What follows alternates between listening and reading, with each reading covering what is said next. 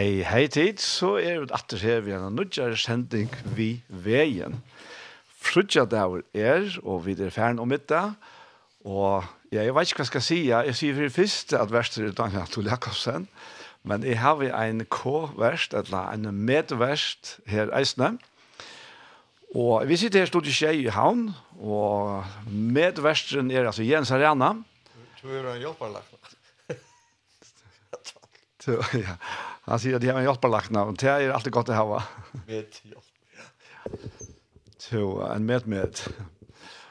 Og vi tar en gjest her Tjåkon, Lars Enarsson. Takk. Velkommen hit. Takk så mycket.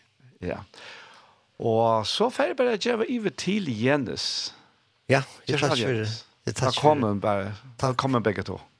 Takk for det. Du ble det så, så tøyen. Ja, deilig. Men også glad for det, søster fortsatt, ja. Takk Och jag hade det som var, var størst for meg, kurser. Det var at dere slapp bia for sånn noen folk. Og det har også gjort det av at det här ferger, det här tillbör färger ger att det är Att folk ja. kunne sende bönder över in. Men jag at att jag ger där noen minutter til at til å få tar, tar arna att sette til svinka. Ja, det är det skulle vi köta. Ja. Så vi skulle se att här om stod bojar en 4-5 minutter, så Han kan sende at du vil få det. Og så det skjer. Ja, ja. ja. Fint. Så tar kom på plass. Så vil jeg få en bia fire. Uh, 4000 du på hjertet, og du skal bare vite til at Jesus er her, og han høyrer, og han, han er mer enn for, for at, at stille at alle noen tørv. Um, og så hadde jeg ferdig til svengst, eller til norrlænst.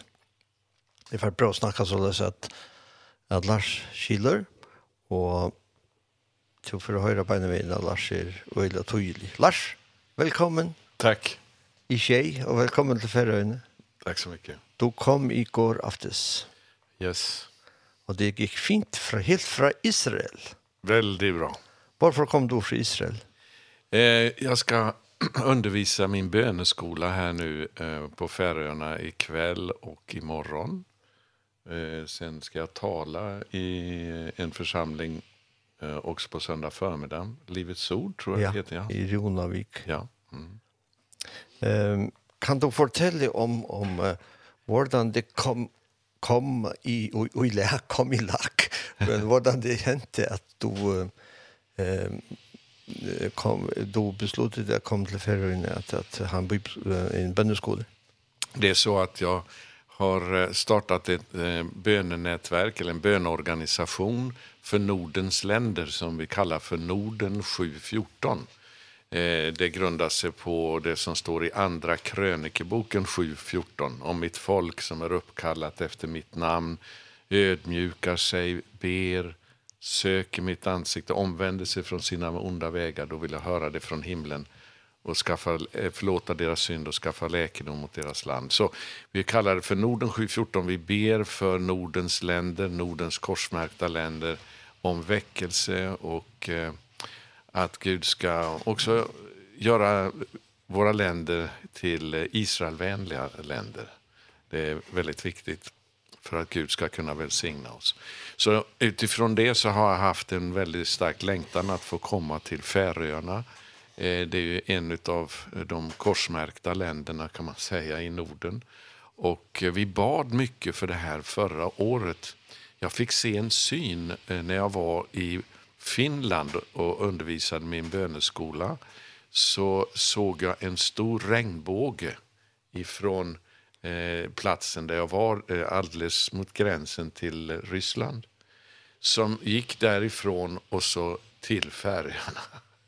Så jag upplevde det, det var ytterligare en eh, uppmuntran för mig att bedja om att jag skulle få komma till Färöarna för att vi, vi behöver stå samman i de nordiska länderna och be om Guds om den här väckelsen som jag tror vill sända. Det är ju så att Nordens länder med korset i sina flaggor har en gemensam andlig eh andligt arv och har också en gemensam andlig kallelse.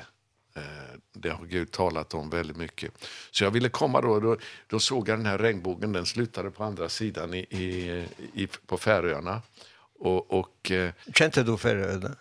Nej, jag har bara hört talas om Färöarna. Jag visste väldigt, väldigt lite om Färöarna. Mm. Men jag hörde människor börja berätta och säga att det är väldigt eh, väldigt fina människor där, mycket kristet eh, land och blev väldigt glad för det. Så jag upplevde att vi behöver er på Färöarna mm. i den här böne eh, striden för Guds kallelse på Nordens länder. Så jag är så tacksam att jag får vara här. Mm. Så vi började be för det här. Mm. Och eh, jag kontaktade eh, genom andra som känner människor på Färöarna. Eh, men ingenting öppnade sig. Nej. men till slut så bestämde jag mig för att eh, boka en biljett i tro. Till Färöarna? Till Färöarna, ja. ja. För jag skulle ändå till Danmark. Och då sa han, när jag är i Danmark så kan jag ju fortsätta till Färöarna. Så jag tror att det ska öppna sig, för vi ber ju och vi tror att Gud hör bön. Så du hade, du hade bokat den biljetten? Ja, jag hade okay. bokat biljetten. Det visste jag inte. ja, den var redan bokad. Och så eh, tänkte jag under tiden jag är Eh, I Danmark så kanske det öppnar sig. Jag var ju tidigare också, inte bara i Danmark utan också i Sverige då och i Norge. Eh, och eh, reste runt med min böneskola. Men ingenting öppnade sig. Eh, det var helt stängt. Men så när jag var i Danmark på fredagskvällen på böneskolan där så så eh, var det pastorn, eh, pastor Ulrik Flinta på Gyllan han sa till mig, kom jag ska presentera dig för en god vän till mig som gärna vill tala med dig. Så jag träffade honom där, nu kommer jag inte ens ihåg exakt, Sven Jakobsen eller? Nej, vad heter han? han är eh, Kristensen, han är Kristensen, vad heter han? han var mitten i han var mitten i Karsmanske bevegelse. Ja, precis. Eh han han han han har en son som är är folkekyrkepräst Just det. Som har fru från Kotlafjörur. Aha. Och de har en son till. Okej. Okay. Uh, som nu i mars månad är är i praktik på Färöarna han läser oh. till präst också. Okej. Okay. Det är den här Stig Kristensen. Just det, Stig stämmer. Kristensen, ja. Så jag, när jag talar med honom så jag, vi blev så goda vänner. Han eh, ville att jag skulle be för honom och det gjorde jag. Och då mm. sa att du får be för mig också. Ja. Och det gjorde han. Och då frågade jag så här, om, om du, eh, har du någon kontakt på Färöarna? Vem skulle du vilja säga är den bästa kontakten jag skulle kunna få på Färöarna? Han tänkte en liten stund och så sa han att eh, ja, den bästa du kan tänka dig det är Jenny Sovrana. Wow. så jag visste inte vem du var men eh, jag tänkte okej. Okay, jag ska försöka och se om jag kan få en kontakt. Så jag gick på internet och så fick jag tag på en, det fanns en e-postadress till yeah. Genus av Rana. Yeah. så jag skrev en e-post mm. till dig och berättade som det var. Hörde ingenting och biljetten skulle då vara på måndag till, till att jag skulle, jag hade bokat biljetten på måndag. Till Färöarna. Till Färöarna, ja. Och, och Sen på söndagen så sa jag till min fru att eh, ingenting har öppnat sig. Mm. Eh, jag har inte hört ett ljud ifrån Färöarna så kan du ta och eh, ordna en biljett tillbaka till eh, Israel eh, istället. Så hon, hon gjorde det och vi, vi hittade ett, en, en bra flyg och allting var ordnat och så när jag precis hade packat mina, mina väskor och skulle gå ut genom dörren så öppnade jag min mobil och då får jag en e-post ifrån dig som det står du är varmt välkommen till Färöarna. Oj, nu är det ju för sent. Nu har jag redan beställt en biljett tillbaka till Israel. Mm. Mm. Så, um, men uh, jag ringde upp min fru med en gång och sa mm. att har du, har du bokat biljetten? Ja, det har jag. Men betalningen har inte gått igenom. Jag fick ett meddelande att inte det fungerade med mitt bankkort. Jag sa, stoppa betalningen med en gång därför att jag har nu har jag blivit välkommen till Färöarna så han som stod utanför och väntade yeah. skulle köra mig till flygplatsen yeah. jag gick ut och sa till honom att det blir ingenting stopp stopp så problemet blev till ett bönesvar ja precis och och då var jag ju här och fick yeah. träffa dig och eh, flera utav eh, de bönevänner du har och Och då inbjöd ni mig att kunna komma tillbaka här och hålla min böneskola. Vi trodde först det skulle gå i slutet av oktober. Ja. Men så bröt ju kriget ut mm. i Israel och jag blev tvungen att cancellera alla mina planer. Jag skulle till USA och till, till Holland och Tyskland och, och Färöarna. Men eh, jag, jag kunde inte komma någonstans. Men nu är jag här. Då är du här, ja. ja. ja. Uh, det är fantastiskt. När du så kom till Färöarna, det som var så märkligt. Ja. Det var att uh, ja, det första som skedde det är det vi ska uh, snacka samman den morgonen var vi möttes första gång. Ja. Och så spacerade vi henne mot Skansa huset som vi kallar det. Mm. Och så ringde jag till min äldste son och jag säger att kan du öppna dörren i Skansa huset? Han, han gör det per uh, telefon. Mobilen. Ja. Ehm ja. um, och så Ja, det, det gör jag, säger han. Men vem sa du du har besökat? Jo, en, en svenskar som heter Lars Enarsson, han bor i Israel. Lars Enarsson, ja men han har väl bibellärer, han har väl bibellærer på, på uh, bibelskolan i Pensacola var jag gick. så, så, så han kom uh, och besökte oss och han var så glad over att se at det var dig. och, och så, så, da vi så kom sammen om aftenen Ja. Så var det en, en kvinne fra, fra Strenter. Hon sier, Wow, Lars Enarsson, jeg har bedt herren om å sende deg til ferien. og så er det en meg kjent musiker på ferien, han sier, ja, men jeg har lyttet til Lars Enarsson. Nei, jeg sitter på hans, og, og, og ja. lyttet til ham på nettet, internettet. Mm -hmm. Og nå da vi, vi bestilte, bestilte de materialet du skal undervise ut fra, ja Eh så ser kvinnan som som på på på det här vad kallar man det tryckeriet. Tryckeriet. Lars Enarsson, ja men jag hör på honom på nätet. Jag känner honom.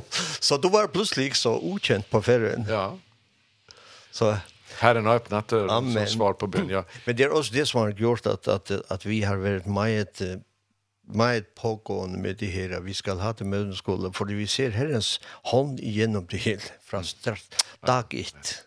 Ja, jag är så förväntansfull eh, för den här böneskolan här. Eh, jag är så tacksam till Gud som har svarat på bön och, och låtit mig få komma hit.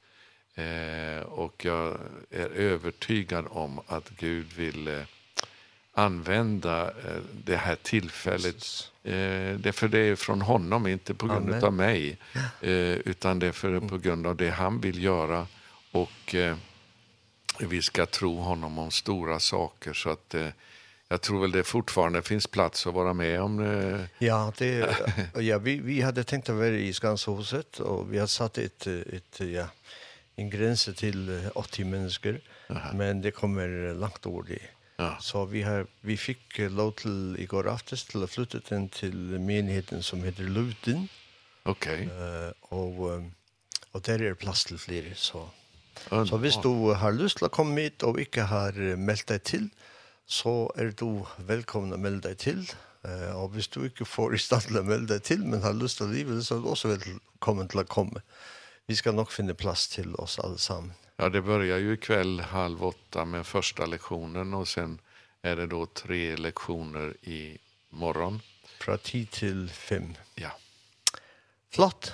Skal vi høre en sang for vi går videre, men la meg lige si at, at uh, hvis du har bønemne, så vil vi meget, meget gerne, mye, mm. be for det. Og det er nummer 5. Du kan sende det inn på nummer 5, 27, 27, 27. Yes. Daniel, vet du hva? Tjej og trus, tjej og fjers, tjej fjers. Hadde vært korrekt, Jens? Et femtall og resten tjej. Ja. ja. Og hvis jeg sender bønnerne inn, så skulle jeg be for det her, og tog, som tog høver av hjertet. Ja.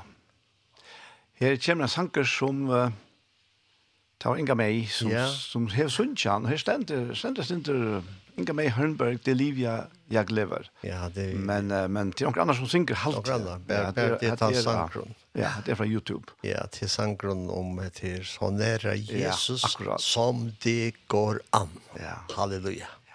Det möter han är under örnavn av Spotify, men vi tar han här Youtube-gosser. Han kommer här. Ja, flott. Flott.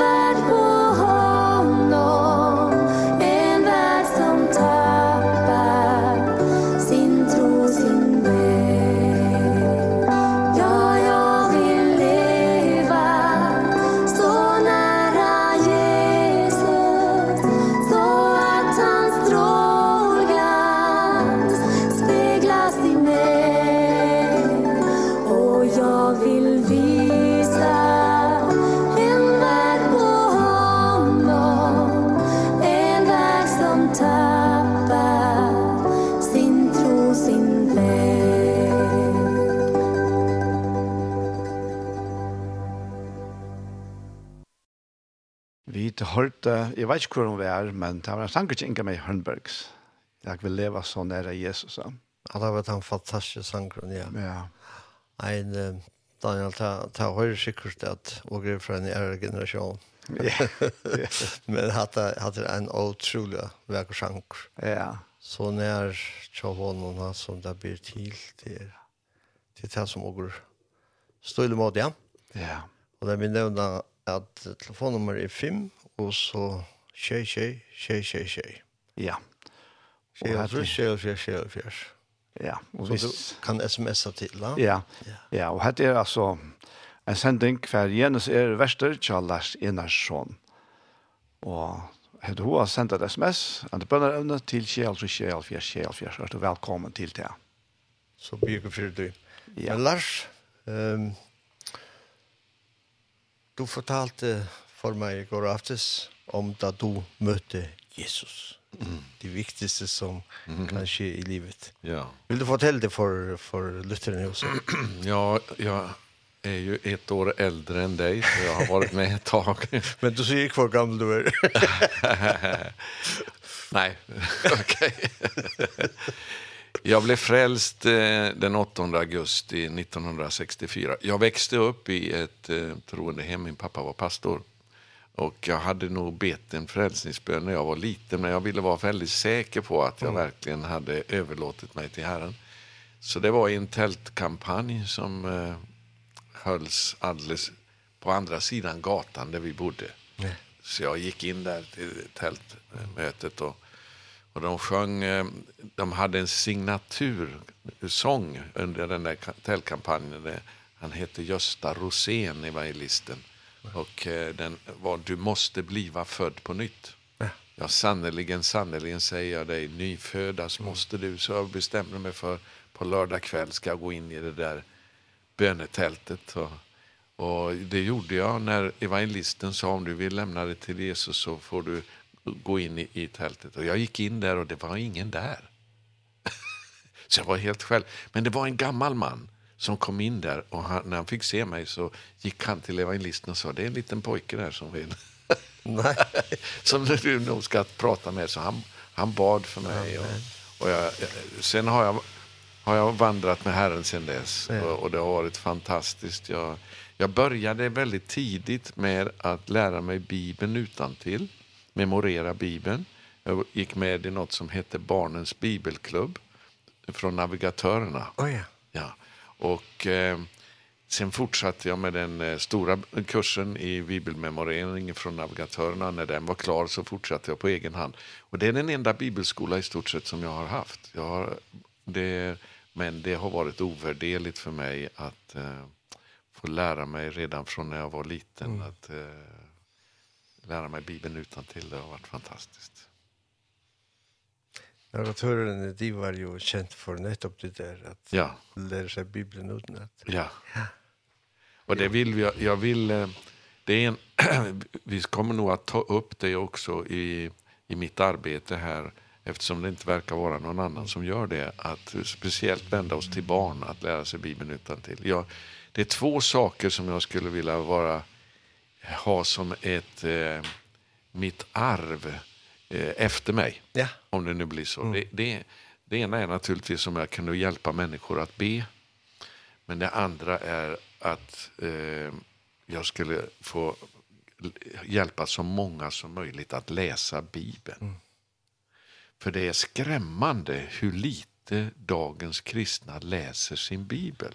Och jag kan inte klara mig utan Bibeln varje dag. Så därför så har jag gjort en bibelläsningsplan som heter Dagligt bröd på engelska Daily Bread där man läser igenom Bibeln på ett år. Och eh, det kom till på det här sättet att jag har försökt att följa andra bibelläsningsplaner. Man börjar första januari. De flesta är väl så. Och så ska man läsa igenom Bibeln på ett år. Och jag klarade aldrig det. Det är skamligt, men det efter några månader så gav jag upp. Jag kommer alltid efter. Så jag satte mig ner en dag och sa att jag måste försöka utarbeta en bibelläsningsplan som jag vet kommer att fungera för mig. Och det har den gjort nu i åtminstone 12 år. Eh, 13, jag tror jag är inne på 14 året snart. Eh, som jag har eh, följt den här bibelläsningsplanen. Och den gjorde jag bara för mig själv. Jag hade inte tänkt att någon annan skulle göra det, men jag blev så välsignad utav den för egen del så jag berättade det för min son och för de andra runt omkring mig att eh, skulle ni vilja läsa Bibeln tillsammans med mig så kan ni följa, följa med i den planen som jag har gjort upp. Och de blev så välsignade utav det. Så då började vi att sprida det till fler och så småningom nästa år så kom den ut i tryckt form. Det är min son, han är väldigt eh, duktig på att producera eh, böcker. Så därigenom så har vi, och det är tusentals över hela världen som följer den här bibelläsningsplanen. Min fru och min dotter och en till, de läser in den också varje dag som podcast okay. på, på engelska. Och det är, det är tiotusentals över världen som följer den podcasten varje dag. Den heter ja. Daily Bread for Busy Moms. Okej. Okay. Det är såna som har så många småbarn som de hinner inte läsa Bibeln tycker de. Då kan de få lyssna på den medan de diskar eller byter blöjor. Och men det är väldigt många män som också lyssnar till den. Det vill, det, det vill säga hvis uh, de som lytter nu ja. har lust till att uh, se vad du snackar om ja. så kan de gå in och Ja, vi har en webbshop som heter Ariel Media. arielmedia.se A-R A-R-I-E. Ariel. Ja. Ariel. Ariel. Det finns i Bibeln, det är om namnen på Jerusalem. Ariel, det betyder Guds ja. lejon. Arielmedia.se Och det är våran eh, webbshop. Så där Ariel Media är det i ett ja, eller punkt? ett. Nej, det är ett enda ord. Ariel Media. Ariel Media ett ord. Snabble och så... Nej, inte snabbla. Ariel Media, oh, ja, ja, ett ord. Ja, och så punkt ja. SE, yes. domänen. Alltså. Flott. Så där kan man se eh, lite grann mer om det. Det var lite grann vid sidan om. Men jag, är så, jag brinner så... Det är ju så att... Eh, du brinner för att folk läser Bibeln. Ja, för att utan en, mm. en daglig bibelläsning så har man inget starkt böneliv. Mm.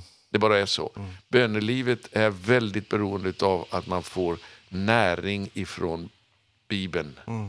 Så att man kan be enligt Guds vilja. Mm. Jag kan ta ett exempel på det. Ja. Eh, den här kände gudsmannen George Miller. Ja. Ja. Han var ju en fantastisk bedjare. Han han eh, hade som motto för sitt liv jag vill visa världen vad en människa kan göra enbart genom tro och bön. Och han fick ju hjälpa då eh, tusentals föräldralösa mm. barn att eh, genom mat och husrum och eh, kläder och utbildning och mm. allt det här utan att be en enda människa om en, en krona. Han bara bad allt sig. Men jag, jag läste hans biografi och i slutet av sitt liv så berättade han att han hade läst igenom sin bibel över 300 gånger. Jag tror det var 350 gånger. Mm förstår man varför han kunde bedja som han gjorde. Det är ovärderligt att kunna sin bibel. För då kan man be enligt Guds vilja för den finns i bibeln och det är så viktigt. Ja. Men då hade det inte varit på en bibelskola och jag kommer att tänka på en av mina eh, Ja, det kanske inte är helt sant. Jag har haft en kort eh, på bibelskola på en månad på. Okay. Som jag gick. En av mina, vad ska jag säga, men mentorer ja. i myndigheten där på två år kommer från. Um, han, han, när de spurte honom, han var en fantastisk uh, predikant. När de spurte honom var han har gått på bibelskola. Mm. Så sa han på knäen. Ja. Det är den enda bibelskola jag har, sa han. det är sådana män och kvinnor vi behöver i vårt. Ja, men salvelsen. Ja. Ja. Men uh, allikevel så har du vært uh, på bibelskole i, i Pensacola. Ja, jag undervisade. Och undervisade. Ja, jag undervisade där. ja. jag. jag blev god vän med Dr. Michael Brown som ja. startade den. Och, så han bjöd in mig att komma och uh, undervisa min böneskola. Uh, och det är nog faktiskt den enda gången som jag inte har gjort det de bad mig att göra. För när jag kom, jag skulle ju undervisa min böneskola. Men Gud ändrade på det så att jag, jag undervisade okay. istället om att be för Israel. Oh, yeah. och, och det var... Mm. Eh, eh, Dr. Brown förlät mig för det. Det var väldigt det blev väldigt välsignat men han hade inbjudit mig för att jag skulle undervisa min böneskola. Ja. Han har förresten varit på Färöarna. Ja. Oh. Michael Brown. Ja. Ja. ja. Fantastiskt. Jeg har også har haft han i, i den kristna radio. Jaha. Jag var i Pensacola och fick in en snack med honom och ja, tok det upp på bånd. Ja, ja. En fantastisk person. Ja, verkligen. Det må jeg si. Men eh, eh, när du snackar om, om nej, vi, det tar vi bak efter. Men eh, det var alltså i, i, i Brownsville i Pensacola. Ja. Men du bor i Israel. En ja. svenskar som har varit i Amerika och nu bor i Israel. Precis. Hur kan det vara? Ja, alltså jag har väl haft väldigt mycket kontakt med Amerika under hela mitt liv. Eh, min far var född där eh, och sedan så blev jag ju väldigt tidigt eh, kom med i Jesusrörelsen. Oh ja och det var ju en ledare från USA som var som jag arbetade tillsammans med då i fem år. Eh reste mycket och fick se väldigt väldigt många människor eh, ungdomar bli frälsta. Mm. Sen blev jag inbjuden till USA att vara en tid i en församling där i i Missouri. Jag hade en andlig far i, som Gud gav mig, väldigt fin gudsman. Eh och eh, sen bodde vi där i en senare skede i fem år. Gud kallade oss till USA där jag startade min nuvarande verksamhet The Watchman International. Men jag har alltid haft i botten den här kallelsen till Israel som jag och min fru fick första gången vi kom dit 1974.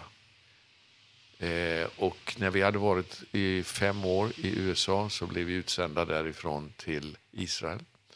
Eh, och där har vi arbetat då sedan 1997.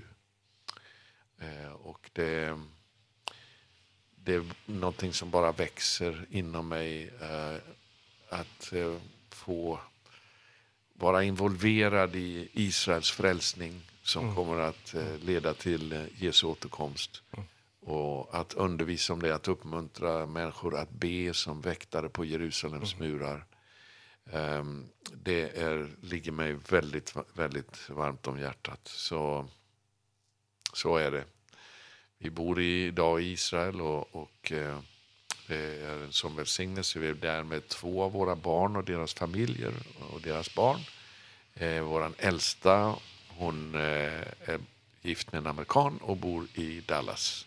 Eh men de är väldigt med oss i arbetet också eh idag.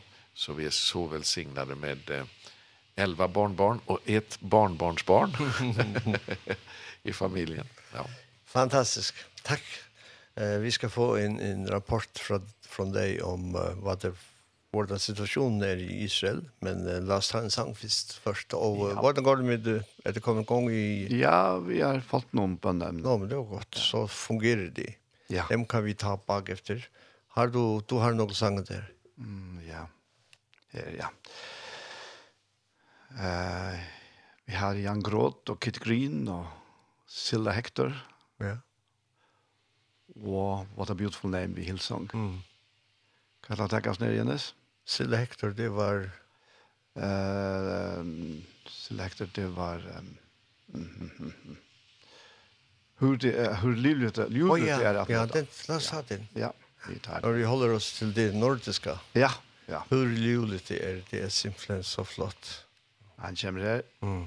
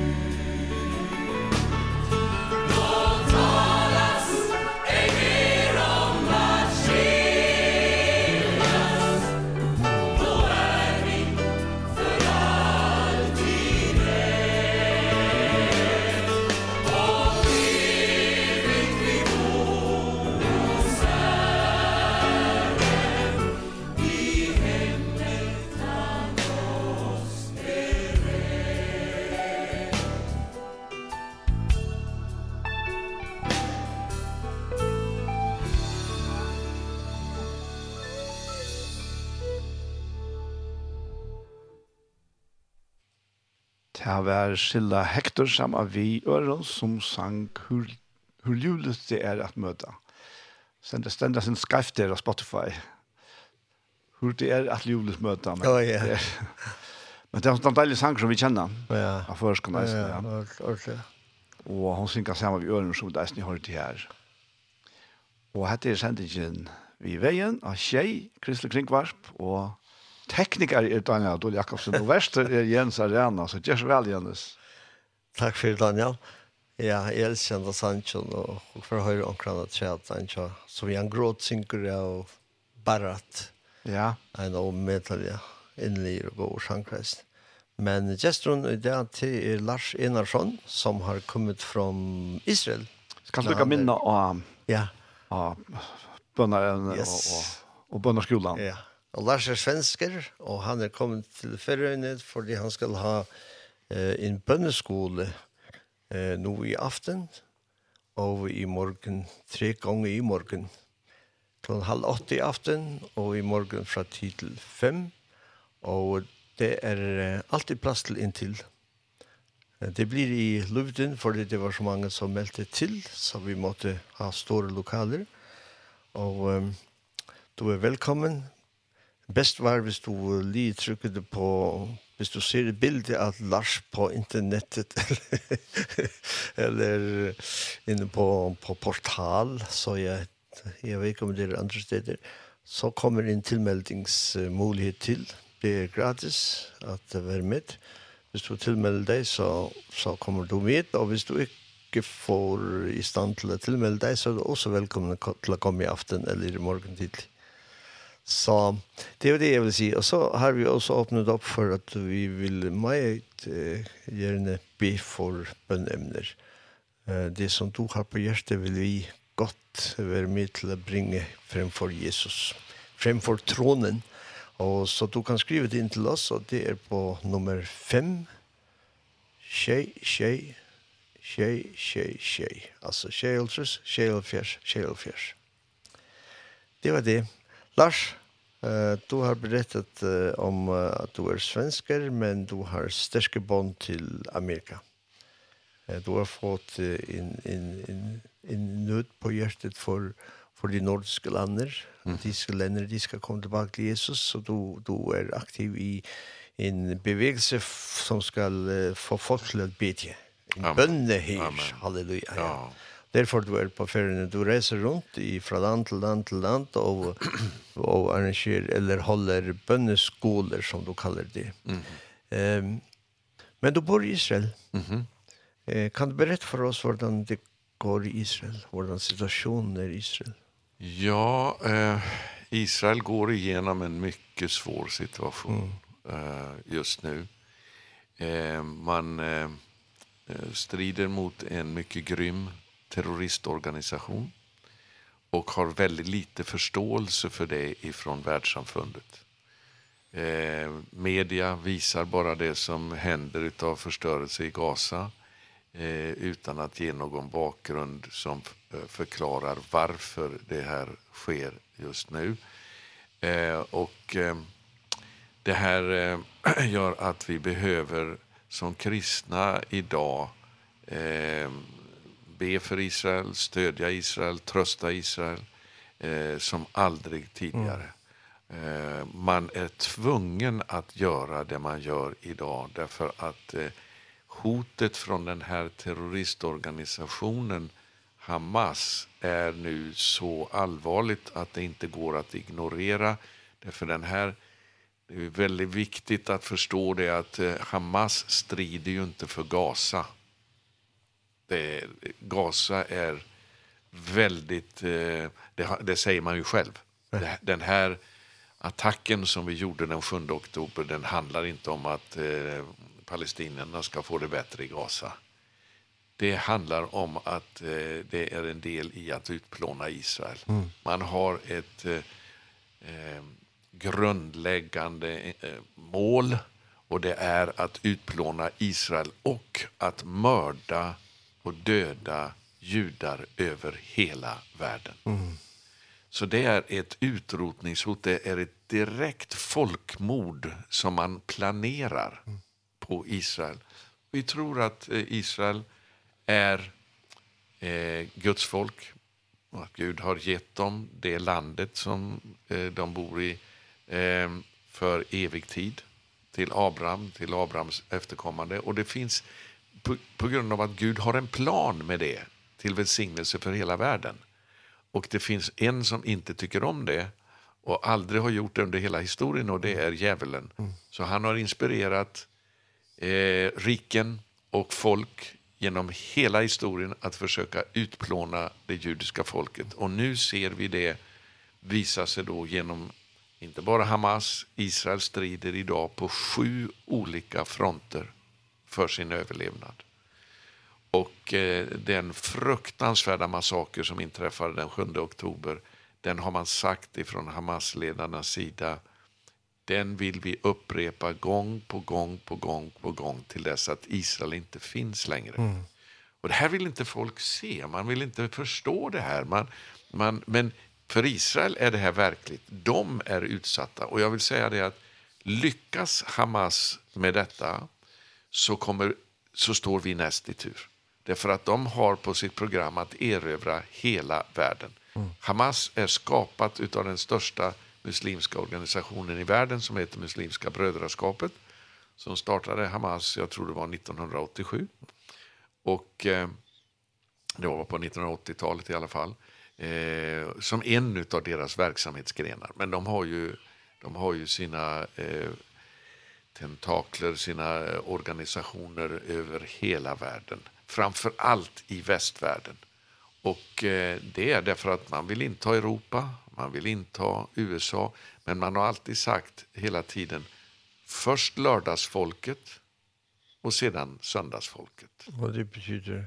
Det betyder alltså först judarna ja. och sen de, den kristna mm. världen. Alltså hela västvärlden betraktar mm. man som den kristna världen trots att västvärlden inte idag, idag längre vill veta av den kristna mm. tron utan man, man gör sig av med den mer och mer så inom islam så ser man västvärlden som den kristna, eh, en kristen eh, kultur och den är man ute efter att utrota för att införa islam över hela världen så Och det här finns väldigt tydligt uttalat ifrån Hamas sida i deras grundstadga. Mm Eh, och det är det vi måste förstå att det här fruktansvärda judehatet som finns i den här organisationen den eh, är ingenting att leka med och nu har den visat sin eh, kapacitet att kunna göra så eh, oerhört skada att Israel kämpar för sin överlevnad nu för att kunna eh,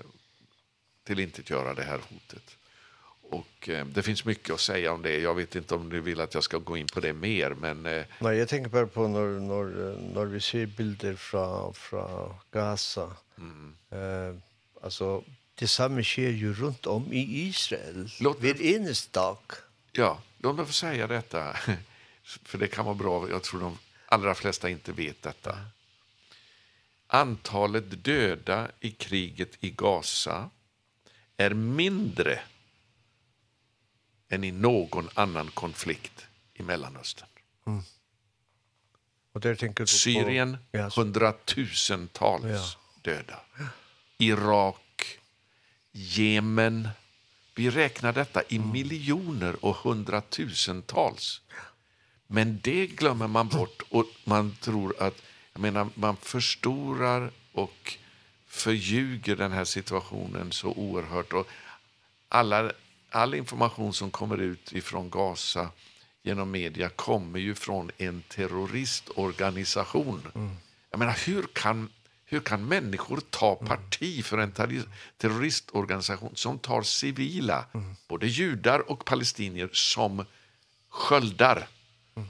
för att skydda sig emot att någon ska kunna eh besegra dem. Och Israel kan ju inte fortsätta på det här viset. Israel lämnade Gaza 2005. De hann inte vara ute ur Gaza ett dygn förrän Hamas började skicka raketer in ifrån, ifrån Gaza. Gaza. Inte ett enda. Så att de säger att Israel har liksom de har bombat Gaza så många gånger. Men de har ju aldrig gjort det utan att Hamas har börjat. Mm man lämnade hela Gazaremsan 2005 för att de skulle få sin egen eh, sitt eget land i i Gaza och göra som man vill. Men från första dagen så började man att förverkliga sitt mål att använda den friheten i Gaza till att utplåna Israel, inte till att få självständighet och oberoende i den där vackra eh, strandremsan vid Medelhavet som mm. Gaza ändå är. Det är ett oerhört vackert område mm. som man hade kunnat utveckla med hjälp av deras arabiska grannar till ett paradis mm. och kunnat leva i fred med Israel. Eh, jag menar det, det men de är inte intresserade utav detta utan de är upptagna utav att lära sig att döda judar att utlåna Israel mm. från modersmjölken. Mm. Bokstavligt talat från det ögonblick de föds. Mm. Så viskar man in det här i örat på nyfödda bebisar.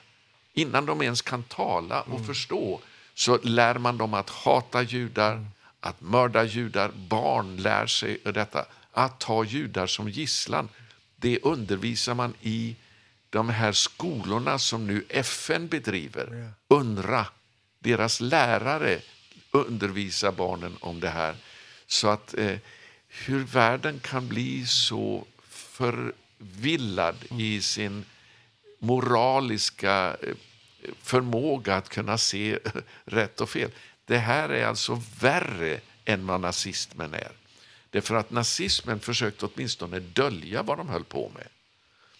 Och de fick, SS-soldaterna fick dricka mycket sprit för att kunna bedöva sina samveten.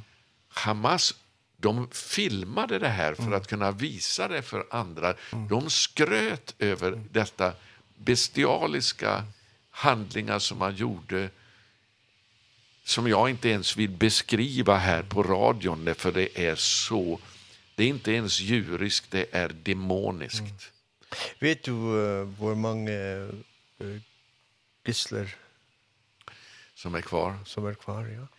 Eh, man räknar med då att Hamas tog ungefär 240 personer. Man vet ju inte exakt, men ungefär 240 personer antingen levande eller döda mm. in i Gaza som gisslan därför att man vet att Israel judarna vill ha de anhörigas döda kroppar för att ge dem en värdig begravning. Mm. Mm. Det är väldigt viktigt för judar. Mm Och så därför är döda kroppar värda nästan lika mycket som levande. Så det var ett, åtminstone 240.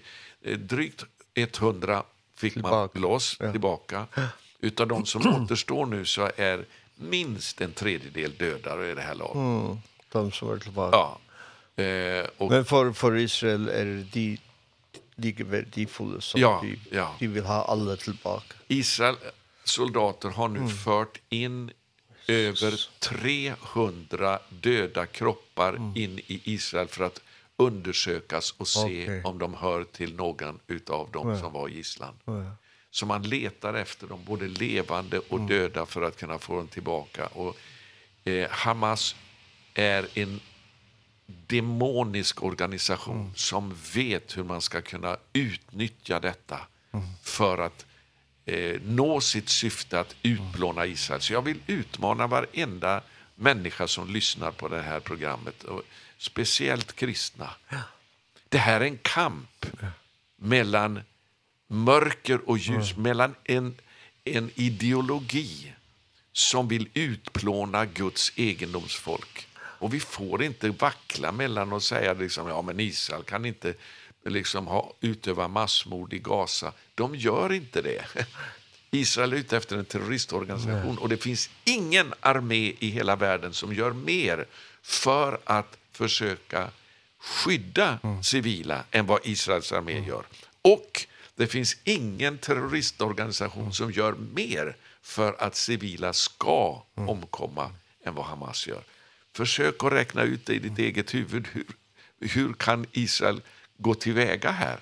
Eh, och tyvärr så blir det en del oskyldiga som stryker med. Men det är långt mindre än i andra motsvarande krig. Det måste man komma ihåg. Eh, förhållandet mellan stridande som stupar och civila som dör är lägre i Gaza trots att situationen är värre. Vart annat eller vart tredje hus hem i Gaza är beväpnat av terrorister. Så du ser alla dessa sönderbombade hem. Varför? Därför att det, det är terrorister som skjuter därifrån. Och, och ja, det här...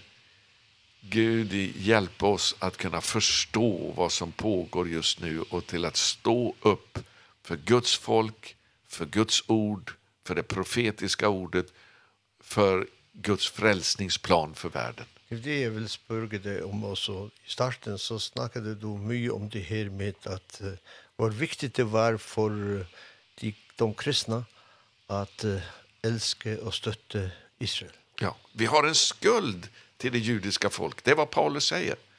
Det är för att frälsningen har kommit till oss ifrån det judiska folket. Det är Jesus själv som säger det till den samaritiska kvinnan. Frälsningen kommer, inte kom, kommer från judarna. Bibeln har kommit från judarna, vår frälsare har kommit från judarna, församlingen har kommit från judarna, apostlarna, profeterna, allt har kommit i, i, i, av det andliga goda vi har. Ja, ja. Och Paulus säger att om ni har fått del av deras mm. andliga goda mm. så är ni skyldiga mm. att hjälpa dem i sitt materiella mm. goda. Mm. Och vad helst ni har gjort mot en av dessa mina minsta bröder, det har ni gjort mot mig. Det gäller i första hand Jesu bröder efter köttet som är hans egendomsfolk. Han är fortfarande en jude. Han kom som judefolkets konung, utlovade konung och Messias och han kommer att komma tillbaka som Israels utlovade konung och Messias. Amen. Nu vill jag spörge dig om du kan bedja för specifikt för gissler i Gaza. Amen.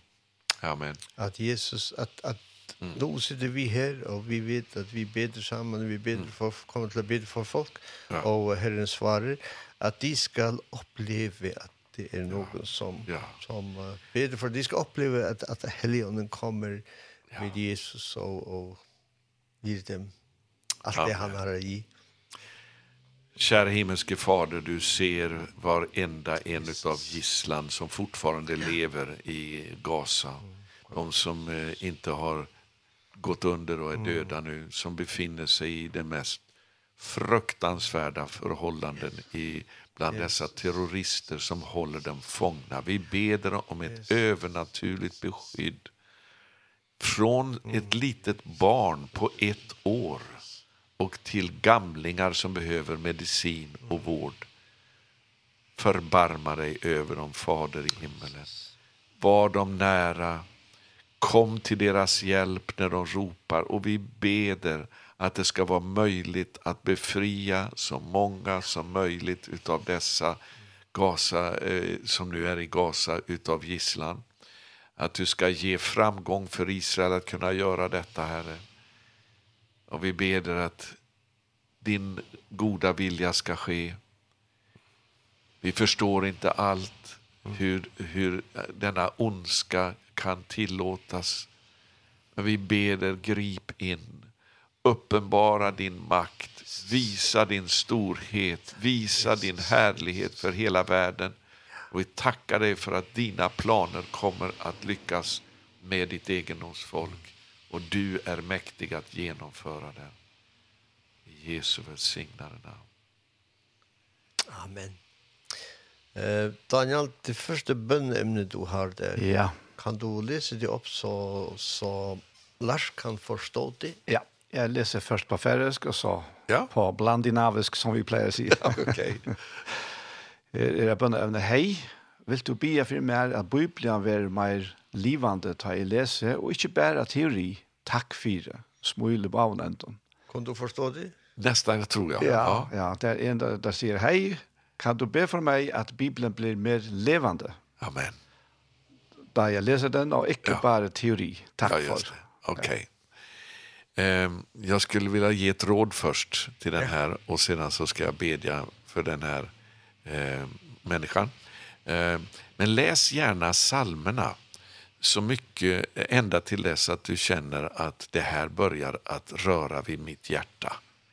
Eh, det är ett väldigt bra ställe att börja på. Sen har jag ytterligare några favoritställen. Det är Romarbrevet 8 och Efesebrevet kapitel 1 till 3.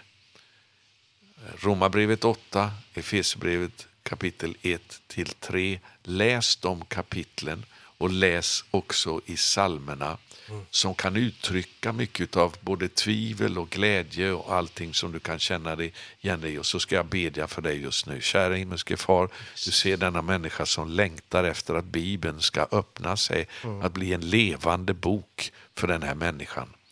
Herre, jag, jag vill också rekommendera min bibelläsningsplan för daglig bibelläsning enligt eh, det som du har gett till mig, Herre att det ska också kunna bli en välsignelse för den här människan. Men Herre, låt din heliga ande börja att vägleda den här människan in i ditt ord till dess att det blir en mat och en ljuvlighet för denna person. Amen. Låt mig få ge ett, en sak till ett personligt vittnesbörd. Jag, jag läste, jag vet det här var när vi bodde i Chicago för många år sedan. Jag hade börjat det första januari att jag skulle läsa igenom hela Bibeln. Första Mosebok gick jättebra. Många fina berättelser.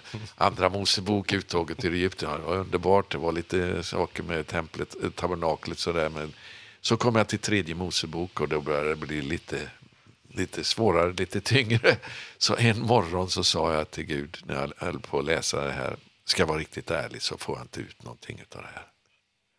Och Gud var på mig omedelbart och sa gå ner på dina knän och läs. Mm. Och jag ryckte till, jag blev så, så jag gick ner på mina knän, ödmjukade mig barn om förlåtelse. Inom några minuter så blev jag så översköljd av Guds kärlek utifrån det jag läste som jag inte hade hade inte betytt någonting för mig. Så jag, tårarna bara strömmade ner för mitt ansikte. Och sa, tack käre gode Gud att jag kan se din kärlek i, i den, det här jag läser just nu om dessa offer och alltihopa det ena med det andra. Gud bara finns där i ordet om vi så gå gärna ner på dina knän ropa att Gud tala till mig när jag läser ditt ord. Amen. Amen. Amen. Yes, er nog ferdig til ta neste sannsjon, så ferdig at minne att at du kan sende in inn. Telefonnummer eller her du kan skrive av. Ja, nummer til 5.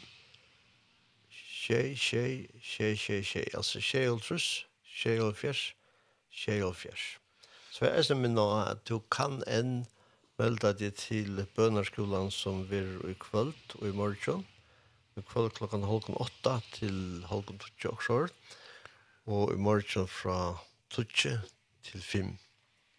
Det er bønderskole her og i kanskje de hundra folk komma. Han er oppe i Lutne. Her er i Lars Enarsson, svenskaren som bor i Israel, for at uh, læra og eller hjelpboken til meira. Ja, til at bli bønar kjempur. Amen. Ja. Amen. Yes. Amen. Og, men nu får du høre en sang. Ja, jeg skal ikke takke deg, Jan Gråtberg. Ja. Her fra mitt Sion jeg skuer. Ja. Det er en T.B. Barrat sanger. Ja. Wow. Ja. Han kommer der. Thank.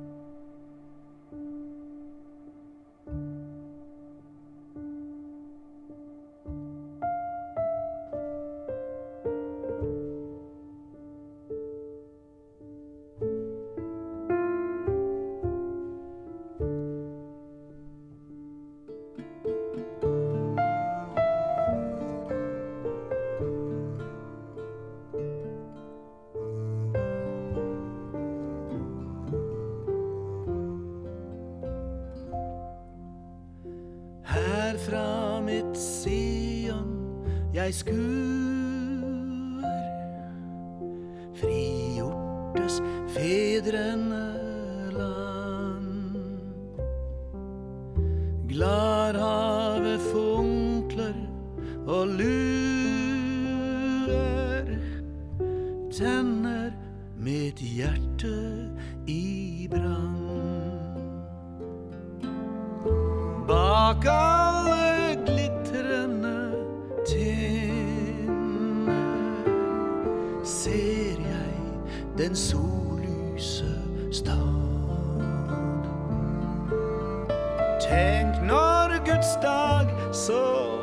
brev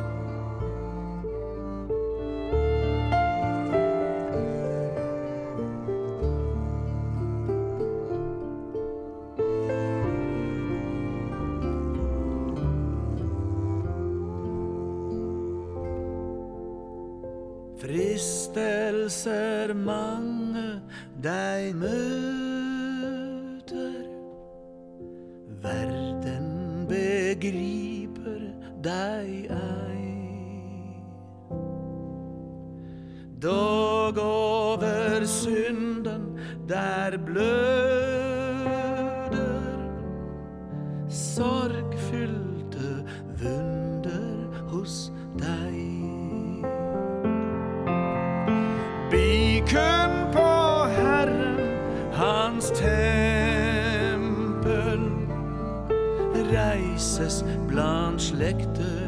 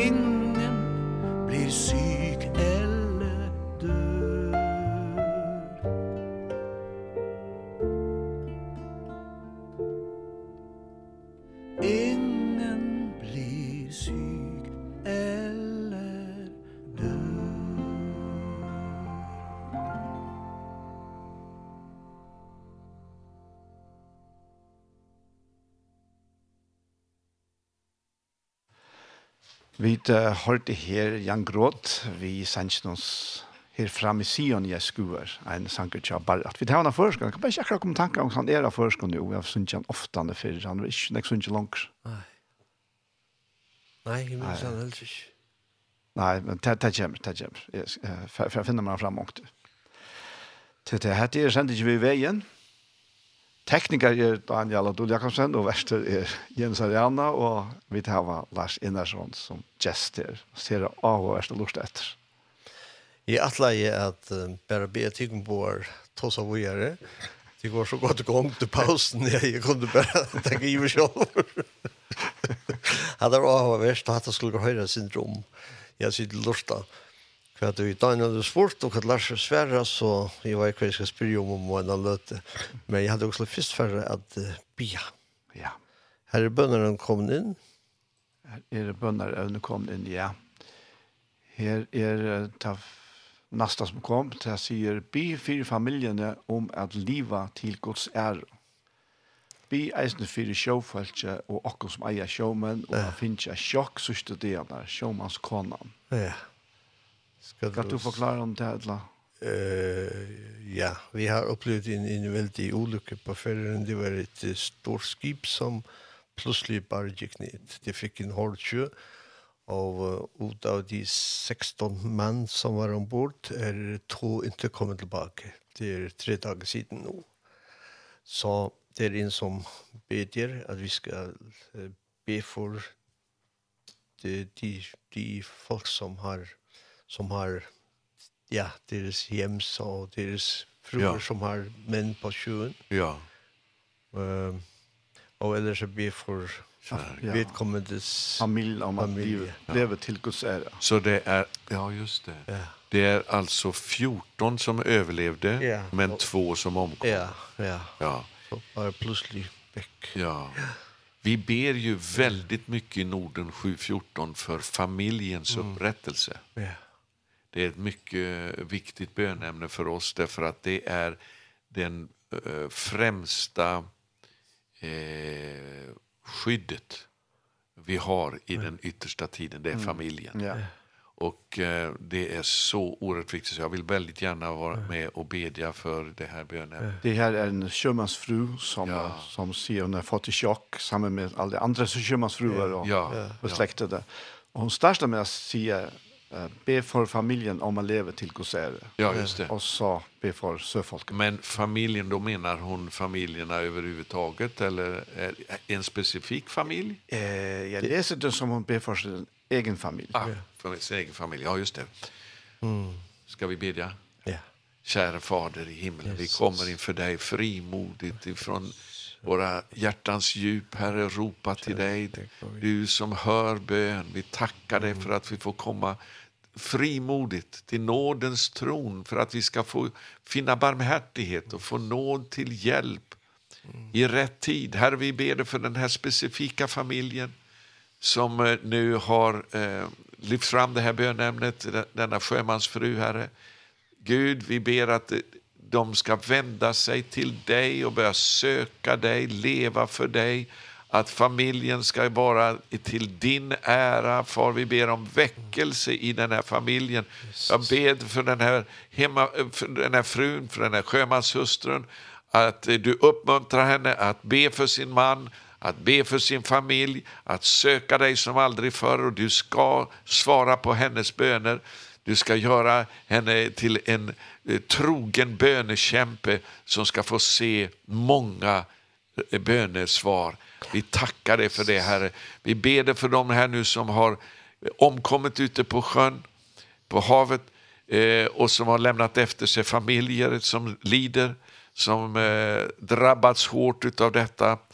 Fader, må det leda till väckelse, må det leda till att människor vänder sig till dig för att söka dig som aldrig förr. Vi ber att det här får bli ett uppvaknande, det som har skett just nu med den här båten som har eh, kapsejsat. Att du ska få låta det bli en väckarklocka. Ja, amen. Till att folk börjar söka dig och, och, och vända sig till dig för att leva sina liv helt och hållet för dig. Det är det bästa vi kan göra. Halleluja.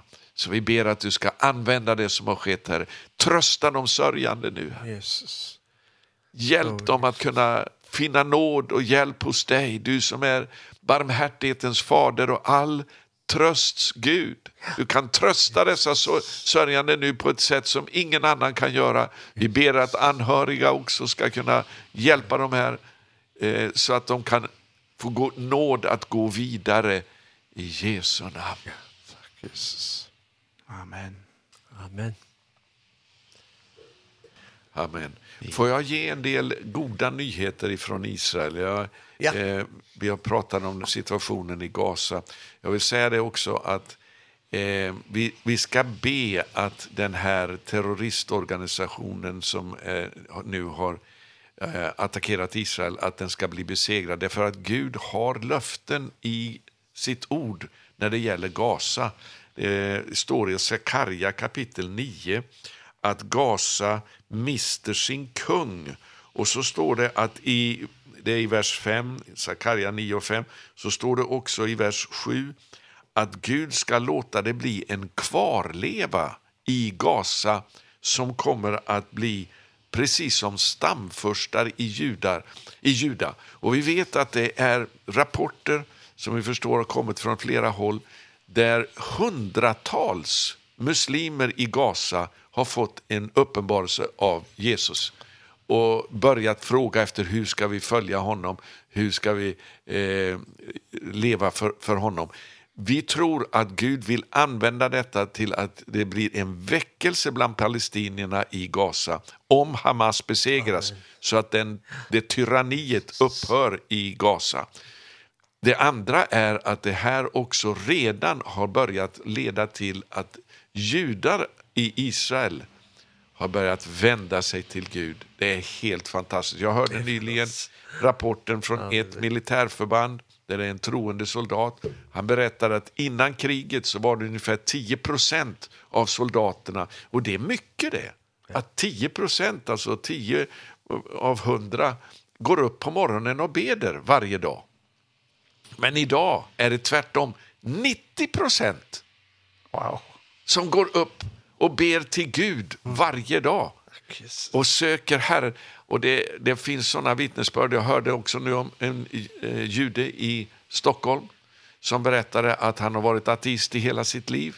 Nu har han börjat bedja till Abraham, mm. Isaks och Jakobs Gud. Amen. Amen. Så att eh, det här, och det finns, eh, Gud har tillåtit det som skedde i Gaza. Den sjunde, eller skedde den 7 oktober utanför Gaza eh, för att föra sitt folk tillbaka till sig, föra eh, dem närmare sig. Och det här är, eh, även om vi har svårt att förstå eh, hur detta kan uh, hur Gud kan handla på detta sätt kanske men men det här har har Gud fått uh, använt redan för att tusentals judar vi börjar söka Gud och de får bönesvar. Mm. Ja.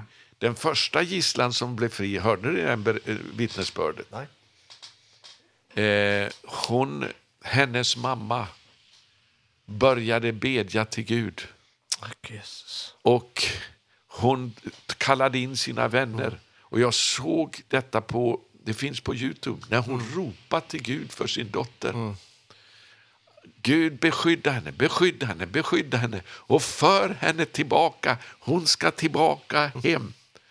Och, alltså, jag kan inte gå in på alla detaljer, men det här har rapporterats till och med mm. i knässet ifrån talarstolen. Mm. Därför att det här blev så känt hur hennes mamma speciellt började bedja till Gud. Och hur den här kvinnan blev alltså, unga soldaten, flickan, dottern, fick komma hem. Mm. Och, och, och det, det är fantastiskt att se den här iven hur man vänder sig till Gud med tårar och bara ropar till Gud rädda min dotter, för henne hem. Och hon var så övertygad om min dotter ska hem, hon ska inte bli eh, mördad utav terroristerna. Och där kommer hon mm. övernaturligt utifrån. Det, det var ju ingen eh, avtal om gisslan utan hon blev befriad. Den enda som har blivit befriad genom Israels armé. Mm. En mycket vågad operation så fick hon hon komma ut eh, tillbaka. Så att eh, Halleluja. de börjar vända sig Jesus. till Gud och bedja som aldrig förr. Jag, jag kan ju berätta så många fler vittnesbörd om det här. Men kan du berätta det som du gjorde i pausen? eh om skillnaden mellan västern och Israel. Ja. Jo, alltså det är ju så eh, vi pratar om det att Israel har egentligen varit känt för att man har haft fler, fler ateister än i något annat land procentuellt sett. Och det är mycket möjligt att det är så. Efter andra världskriget och förintelsen så var det mycket av människor som sa det kan inte finnas någon gud. Men det är en mycket, mycket tydlig utveckling i Israel att folk börjar att vända sig till Gud. Så att ungdomar speciellt, eh, de går till synagogan de jublar och, och, och ber till Gud och, och prisar Gud i synagogan. Alltså synagogorna är fullpackade med ungdomar. Mm. Eh, så att eh, folk är ju lite chockade. Hur kunde Israel nu för två år sedan, eller det är bara ett år sedan, som de valde den här väldigt konservativa, konservativa religiösa regeringen. Jag hoppas inte jag pratar för fort utan ni kan förstå mig. Nej, du pratar så tydligt. Så. Ja, oh, tack. Okej. Okay. För man är chockad, men det beror på att ungdomarna har, har hela befolkningen börjar att bli vända sig till Gud och det visar sig i den uppväxande generationen. Och det är det som har gjort att man har valt en religiös regering som är väldigt konservativ. Hör man nu om Jesus uppenbarelse bland judarna? Det är Ja, alltså det är väldigt många som också får uppleva Jesus. i Församlingarna, de messia, messia, messianska församlingarna växer i Israel. Mm. De utvecklas, det, det växer hela tiden. Så att det, det sker också. Det är en ting som har... Jag hörde för en del år sedan att det var en grupp palestinenser och en grupp messianska jöter som kom samman och var väldigt förenat i Kristus. Ja. Jag har tänkt mycket, mycket på dem. Ja. Sen allt det här skedde för det är ju en svår fristelse för, för, för mm. bägge parter i det här som Precis. är in.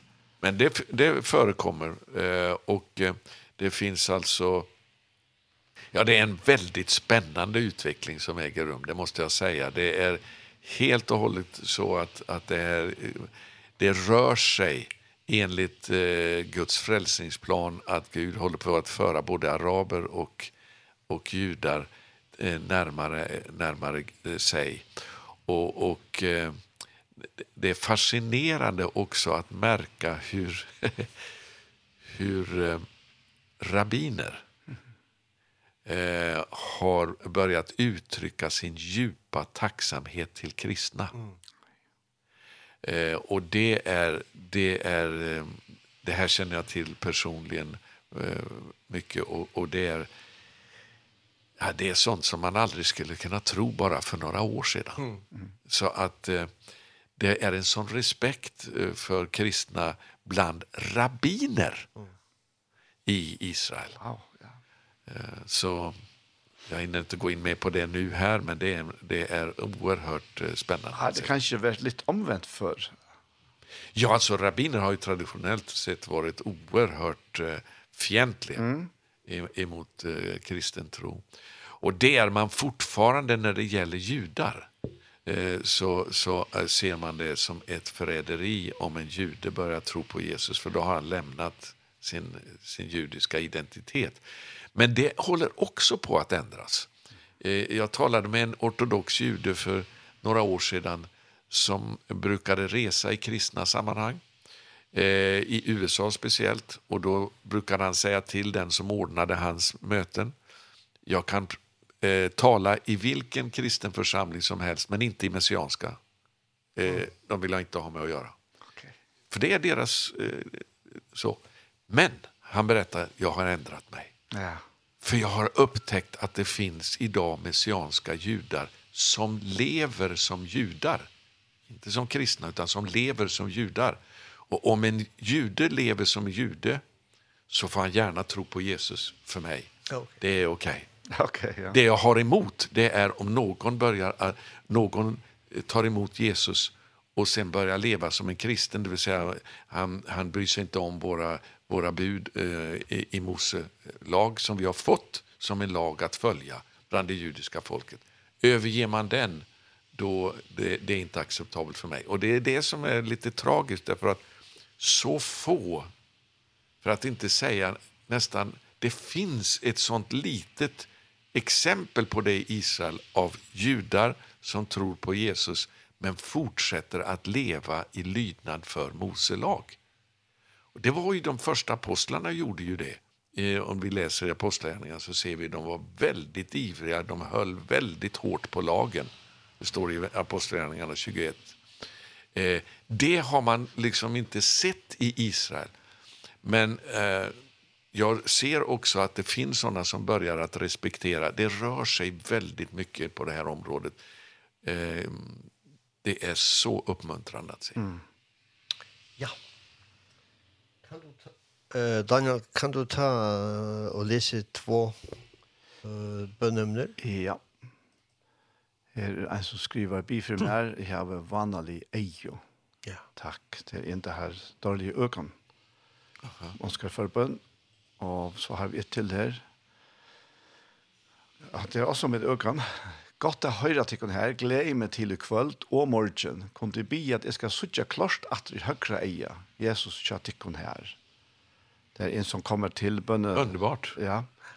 Og som har problemer med å se klart på det høyre øyne. Mm. Ja. ja.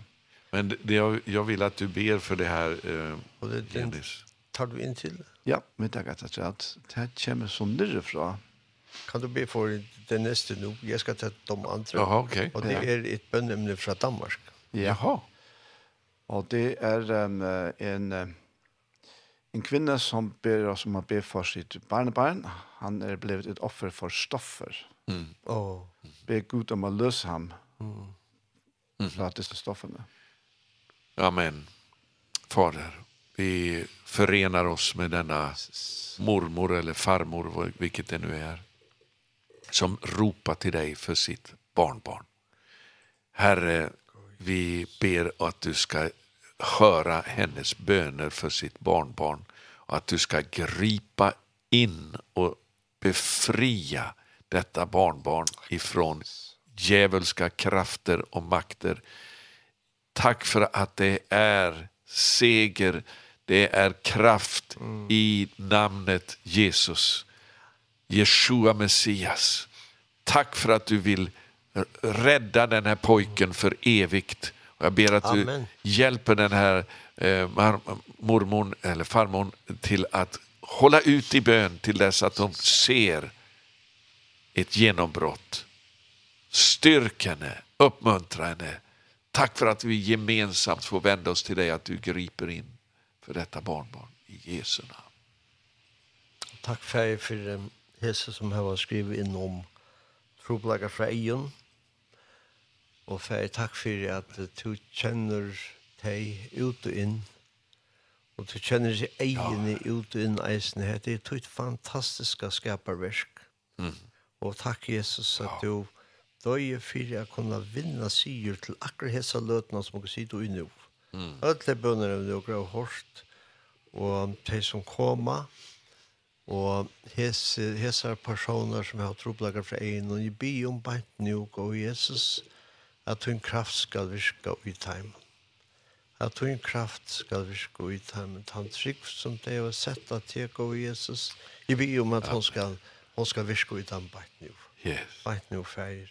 Bi om grøyingen i Hesberg eier, hese på personer feir, at jeg skulle sutja klart, og fyrst av ætlån at jeg her av vera Vent av Jesus, ta bi om heiland. Vent ja. ham er, tar egen av Jesus, og ja. takk Jesus at du inn grånande mig skal oh. i dem, og du skal bruka det til at tjena tjær.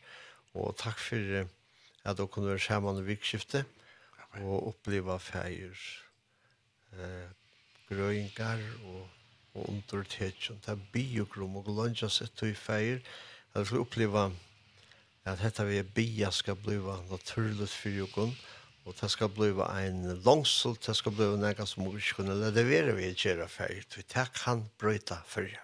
Halleluja. Amen. Og du hørte jo om uh, bønderskolene, og det er ikke for sent å komme. Og det er flott til større høler, så uh, det er mulig ikke. Og flott igjen og lutene, minst til det uh, ting som jeg har meldt til. Det har vært lyst jeg har alltid grepp finnes brev om det, men uh, eh, tältbrev om det. Men det har vært lovt ned til halvken åtte kvöld, og i morgen fra klokkan 20 til 5. Og her er stekker, og her er medrafåa, og så du du tar nu spärra at också om att komma sätta dig ned og njuta til, og eh lunchas efter att uppleva näka samma med din syster och son Du kan uh, til en firmån hvis du melder til, men hvis du ikke var uh, mulig for å melde til, så kommer du bare. Og i Jesu navn. Og bønnerevne, her uh, kan du ringe inn 5, tjei, tjei, tjei, tjei, tjei. Eller skriv inn, norsk, skriv inn. Og er det noe annet her, Daniel? Her er et kom jeg til at her, blir for meg, jeg har hov på en stort og greit. Ja. Fære takk for at du kjenner han da personen, og du elskar vi kommande.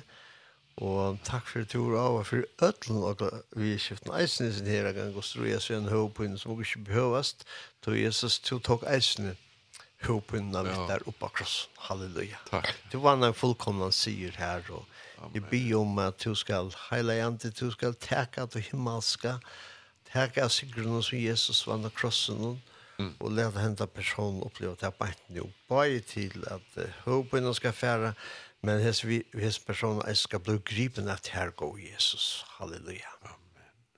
Amen. Amen. Skulle vi ta en sanka att säga att ja. för att ta det sista inlägget eller hva ja. kallar det? Her er tvær etter som du har valgt. Han ene er Kit Green, og hitt er Hillsong Worship. Ja, jeg hadde jo takket Kit Green. Ja. Og det er en sanger som mer damer så overmyndelig vel. Han er, han er Bersøyen han er øyla, han rækar okken, og til er to obey, mm. altså lytne. To obey is better than sacrifice. Lytne er better than offer. Ja.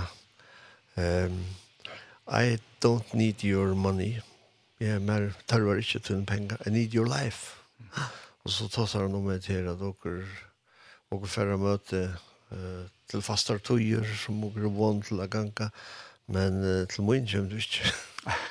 så at det er Kid Green Tie, han er best. En fantastisk sang, og så vekker reisende.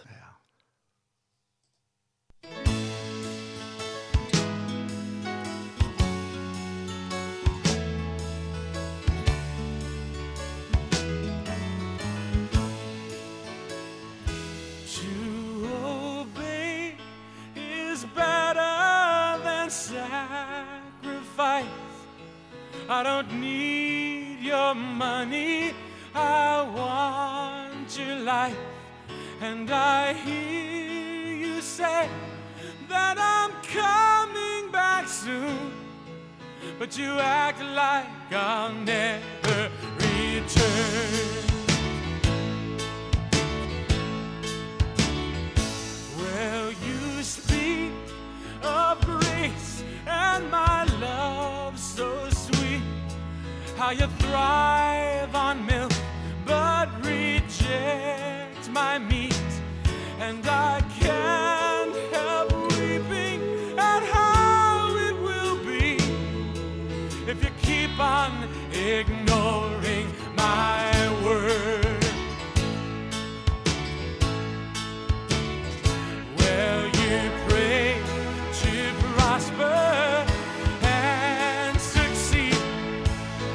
flesh is something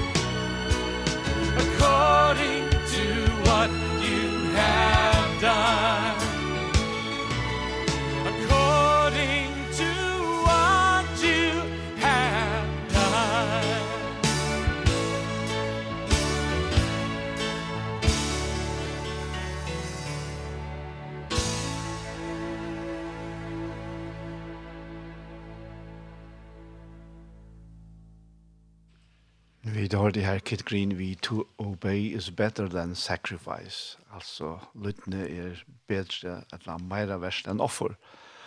Og her kom så um, Jens, uh, en som sier hva sjankre vær av førskånd. Å oh, ja. Salmon ut trunde kan suttja yeah. det her veina i. Å oh, ja. Hvor er det som synger han to? Nei, uh, det er en som skriver vise bare til. Ja. Yeah. Salmaboysna, nummer 1384, ut ut ut eller sangboysna. Ja. Nutje sangbok. Ja. Å, ja, han er så vakker. Ja. Hver, Ja, han er så kjalt av sunnkjøn. Ja, sjalt av langer. Man ønskjøn har, har sunnkjøn inn, ja. Um, Ligger du bak hattene kommer her? Ja. Jeg elsker han da sunnkjøn, han er fantastisk. Onker kanskje kan få huskotla sunnkjøn inn? Ja, absolutt. Ja. Ja, bare at Jørgen er gåa sanns. Ja, mamma vil jeg si. Ja, han gråt har hur givarna flöv ut vi bara bara sång. Okej, ja, ja. Jag hade att ta en en en touch. Okej. Okay. Mittel anna eh mittel annars det här nej tvärt. Nu nu får Ja, jag vet att Victor har omsett omkring annan eisnet. Ja, ja, jag bara, ja, ja. Ja. Lyfte fra god til eisvik. Lyfte kunne eisvik. Nu kunde jag switcha till till parat. Till parat. Eller ja, han ger det till flöde. Okej, ja. Ja. Ta över han. Ja, ja. Ja. Jo, jo, det var han skriver ut från Konan var så sjuk. Ja, jag menar det var Leo Petrus, men det är inte säkert. Ja, det kan vara. Det det kan sagt att vi att du visst du fløva nära. Mm. her Här är tasendra till Sanjra Barat. Men hvis du hykker inn i Korea, Här det finns finns att att en fitte bokling vi ja. Här mindre att han bal, Ja. her ser man. Ja, akkurat. Han det kan være att du är också där. Det är Peter säger Ulla står och avskan av bara. Ja. Ja. Vel, Ja. Men eh jag har en bunden oppgave till dig nu. Eh men Daniel har du något bönämne där? Ehm, vad ska jag?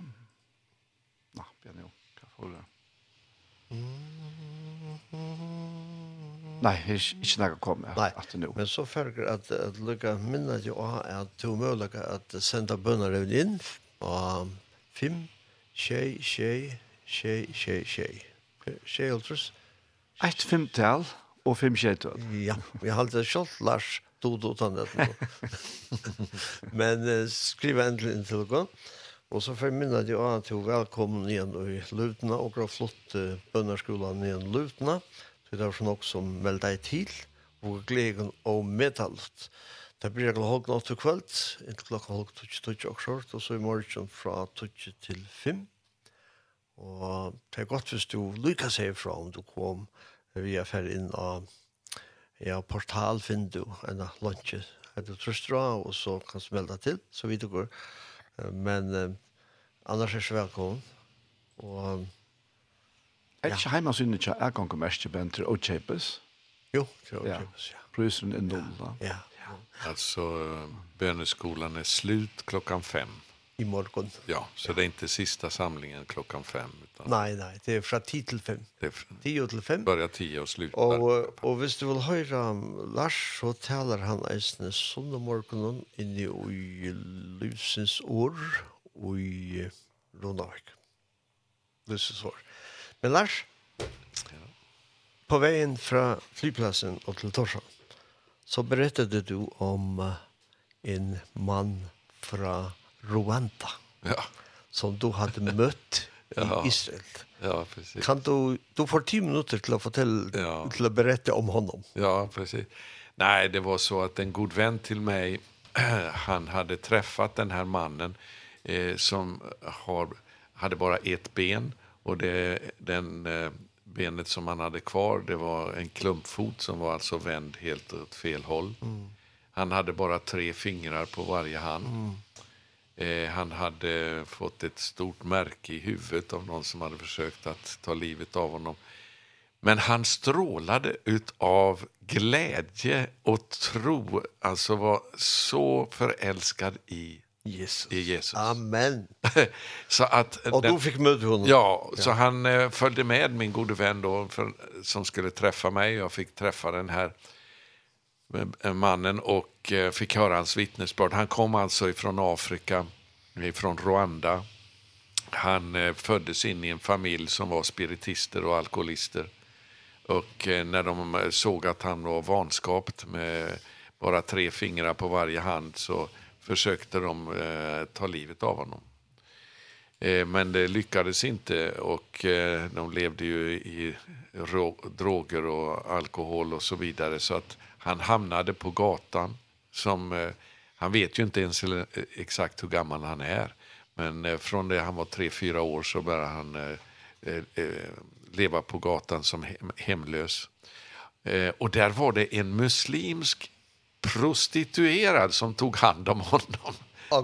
På gatan? på gatan. Ja. Så han bodde hos henne då en tid. Ända, sen hamnade han så småningom i ett katolskt barnhem. Mm.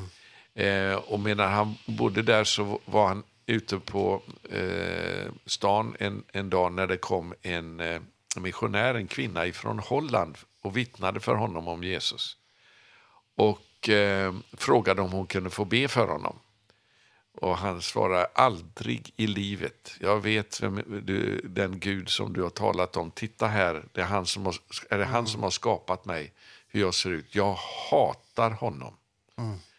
Men hon brydde sig inte om det utan hon la händerna på honom och bad för honom ändå. yes. Och han fick möta Jesus och blev totalt förvandlad. Amen. Så han började vittna överallt och nu försökte muslimerna ta livet av honom. Så han eh, det var så han, jag tror att det var kanske eh, i, sen kom inbördeskriget mellan Hutsi och Tutsi i Rwanda och där så blev han av med ett ben. Uh, och jag tror att muslimerna var de som hade försökt att hugga honom i huvudet. Så han, han till slut kom fram till att så tänkte han så här Israel är ju Guds land. Jag måste ta mig dit för där kommer de nog säkert inte att försöka ta livet av mig. Så han flydde på kryckor genom hela Afrika och kom så småningom till Kairo. Där träffade han på en människosmugglare som sa, jag, jag kan hjälpa dig att komma in i Israel. Jag vet hur man kan smuggla in folk. Det har varit mycket illegal immigration i Israel tidigare. Och, men när han var halvvägs genom Sinaiöknen så upptäckte den här människosmugglaren att den här mannen hade inga pengar. så han lämnade honom i öknen. Oha. Så de tre sista dagarna gick han på sina kryckor utan vatten och utan mat genom öknen och kom fram till Israel. Amen. Och där blev han ju arresterad utav polisen vid gränsen och de satte honom i fängelse och han var överlycklig. Han sa det var det finaste jag varit med om i hela mitt liv. Att jag fick, de gav mig en varm filt och jag fick en säng och jag, jag fick mat och, och, och så vidare. Så efter tre månader så sa de, nu kan du inte vara här längre för det är olagligt för oss att behålla dig längre än tre månader här. Så de släppte ut honom och då hamnade han på gatan i Tel Aviv. Men där vittnade han överallt om Jesus. Så en socialarbetare fick höra talas om honom och sa det att eh, hälsade på honom och sa är du kristen? Ja det är jag, sa hon. Sa han. Jag tror jag vet några som kan hjälpa dig. Och så tog hon med honom till några kristna som hon kände till genom socialen. Och de lyckades få honom till att få ett stipendium genom att komma till Amerika. Ah. Men precis innan han skulle åka iväg så var han på var det min gode vän som såg honom på gatan där han liksom vittnade med människor och bara strålade. och det märkliga var att den här eh, gode vännen till mig som tog honom med sig till mig då han skulle sedan besöka två rabbiner. Och då sa han till honom att du måste följa med mig för jag vill att de här rubinerna får höra ditt vittnesbörd. Så, så, och då frågade jag, kan jag få följa med också? Ja, det, det gick ju bra. Så vi åkte alla väg till de här två rabbinerna och där gav han sitt vittnesbörd och berättade hur han hade varit med dem och de här rabbinerna blev alldeles häpna Och den ene sa så här, vet du vad ordet jude betyder, sa han. Nej, det visste han inte.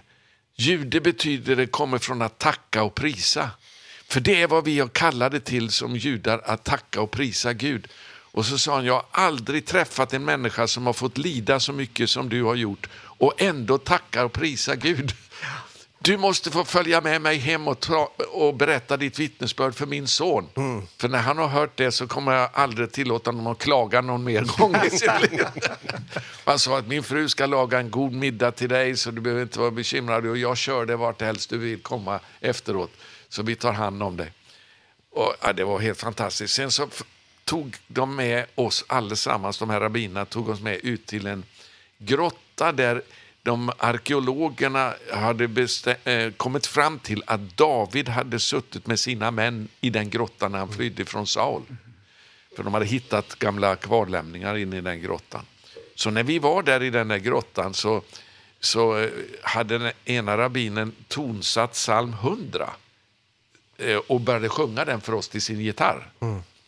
Och när han var färdig så sa den andra rabbinen, men rabbinen att nu måste vi låta våra kristna vänner få prisa Gud också. Så och jag jag bara kände Guds ande bara kom jag jag började be till Gud en liten kort bön. Men sen tog den där svarte brodern vid och du vet han han hade inga spärrar. Han gick på och prisa wow. Gud och tacka för frälsning och och, och så slutade han med att bara ropade ut i Jesu Kristi namn så. Jag tänkte, käre Gud, hur kommer de här rabbinerna att säga nu? Då var det en av dem som bara gick fram och kramade om. Mm, så jag älskar dig, så. Så det händer väldigt mycket. Det är bara ett sånt här vittnesbörd man ser att eh, den här fiendskapen som det judiska folket har haft mot Jesus under så lång tid på grund av vad kristna har gjort mot mm. dem Jag menar korstågen till exempel, hur man brände dem till döds och sen sjöng lovsång till Gud. Mm. Ja, men det är fruktansvärt. Det har satt sådana spår om hur kyrkan har förföljt judarna under så lång tid. Så det har ju varit, men det håller på att förändras. Jag kan ta så många exempel på det. Mm. Hur, du, ja. du fortalt om honom att uh, du, de skulle spasera en längre tur. Ja. Och då så, vi fick ju gå ganska långt ut till den här grottan. Ja. Och den ena rabbinen sa då, du kan inte göra det på kryckor, det blir för svårt för dig, jag ska bära dig. Så han tog honom upp på sina axlar och bar honom hela vägen. Jag vet, det... Men i örkenen där var han i tre dagar, ja. alene. Ja. ja. Med en krycka och en ja. klumpfot. Och en klumpfot. Han har kun in ett ben och ja. det är en klumpfot. Ja. Ja. Och vår höj alltså vår är det ett fullt utvuxet bin som han har. Jo, det var det. Ja, det var det. Ja. Men han hade också Men det var både de en... han var ju de bara tre liksom. Ja, och det det, det jag, jag husker du sa i, igår aftes att uh, da föräldrarna, da hans föräldrar så mm. hvordan han var skapt med ja. tre fingre ja. på hver hånd og en klumpfot. Ja. Så ville de ikke ha noe med honom å gjøre. Nej. De var spiritister. Ja, de var ja. spiritister ja. och och och drogade, jag menar de och de, de, de trodde att det var De trodde det här är ett djur som har kommit ja. in i familjen, det är ingen människa alltså. Ja. Han kommer säkert att eh, ta livet av oss och därför så vill vi ta livet. Du vet de har konstiga uppfattningar. Han är inte ute på gatan 3-4 år gammal. Oh. Alene. Ja. Halleluja. Men Gud Tack Jesus. Han frälsar vem som helst. Ja, nej, jag vill gärna jag vill hadde jeg til å fortelle det, for jeg vil si til deg som, som lytter, altså det er, det er ønsken, ønsken mark for hva Jesus kan gjøre for det. Mm. Det måste du Tack och lov. Huxa om alltså du som inte känner ju huxa om den här mannen här i Rwanda här i Atlanta heienskapen hon her, og så kommer krutsk og så gjør det. Nå gonger han av noen Ubeskola i Amerika. Ja.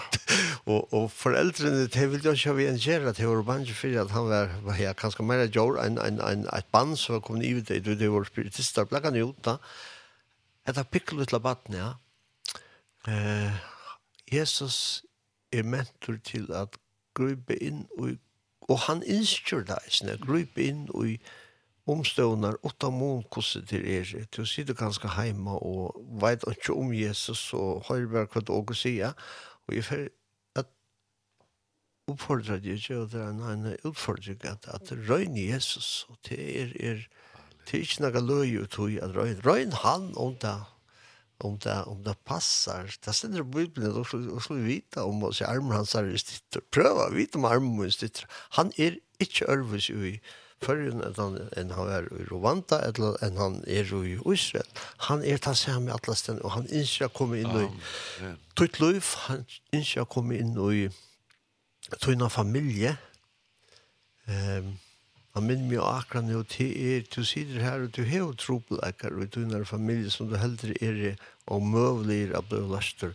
Men Jesus elskar te, og han elskar kvann ein av tøyna familie, og Og han innskjer å slippe inn, og han innskjer at det er at han som styrer heima tjatt her, og som ikke fyrir å dominera, men fyrir at veita at her, ja, vise at her sin kærleika, og alt det som fyrir vi her Jesus kommer. Her Jesus kommer, her fyrir alt det vi som to bruk for, som jeg har bruk for, for som Daniel har bruk for, som Lars har bruk for, som ein og hver førger har bruk for, og som heimeren har bruk for. Det kommer til er og Jesus.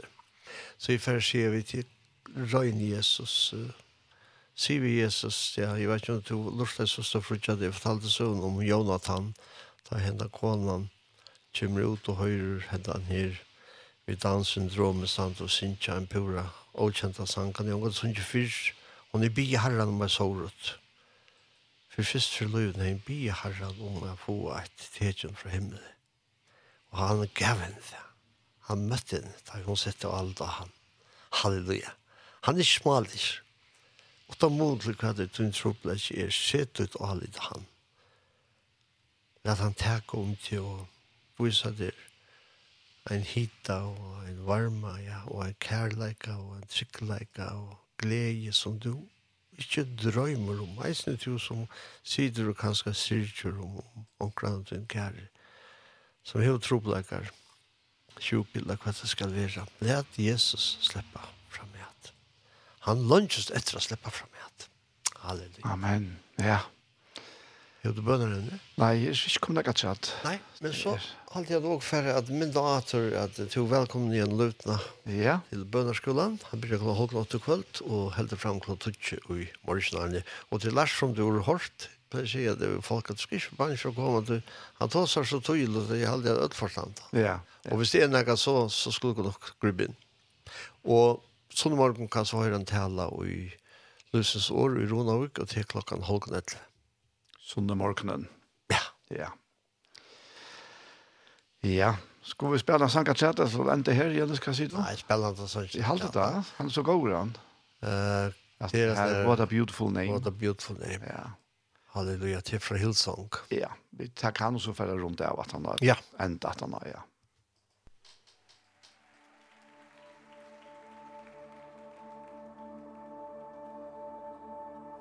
You were the word at the beginning One with God, the Lord most high Your hidden glory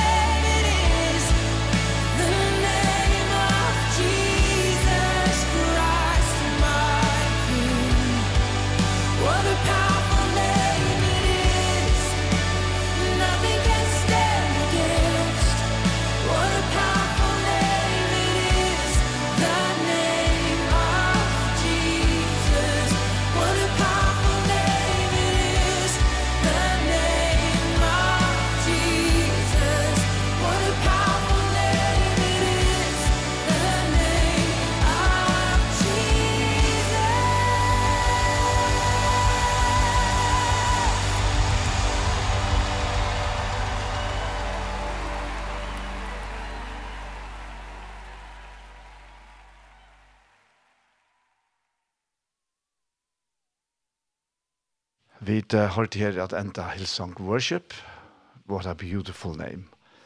Og hetta var så sendingen vi veien for Hesefer.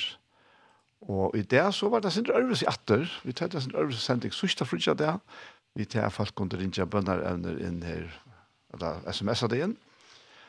Og i det så var uh, Jens faktisk versteren i det, og jeg har fyrt det meste av teknikere.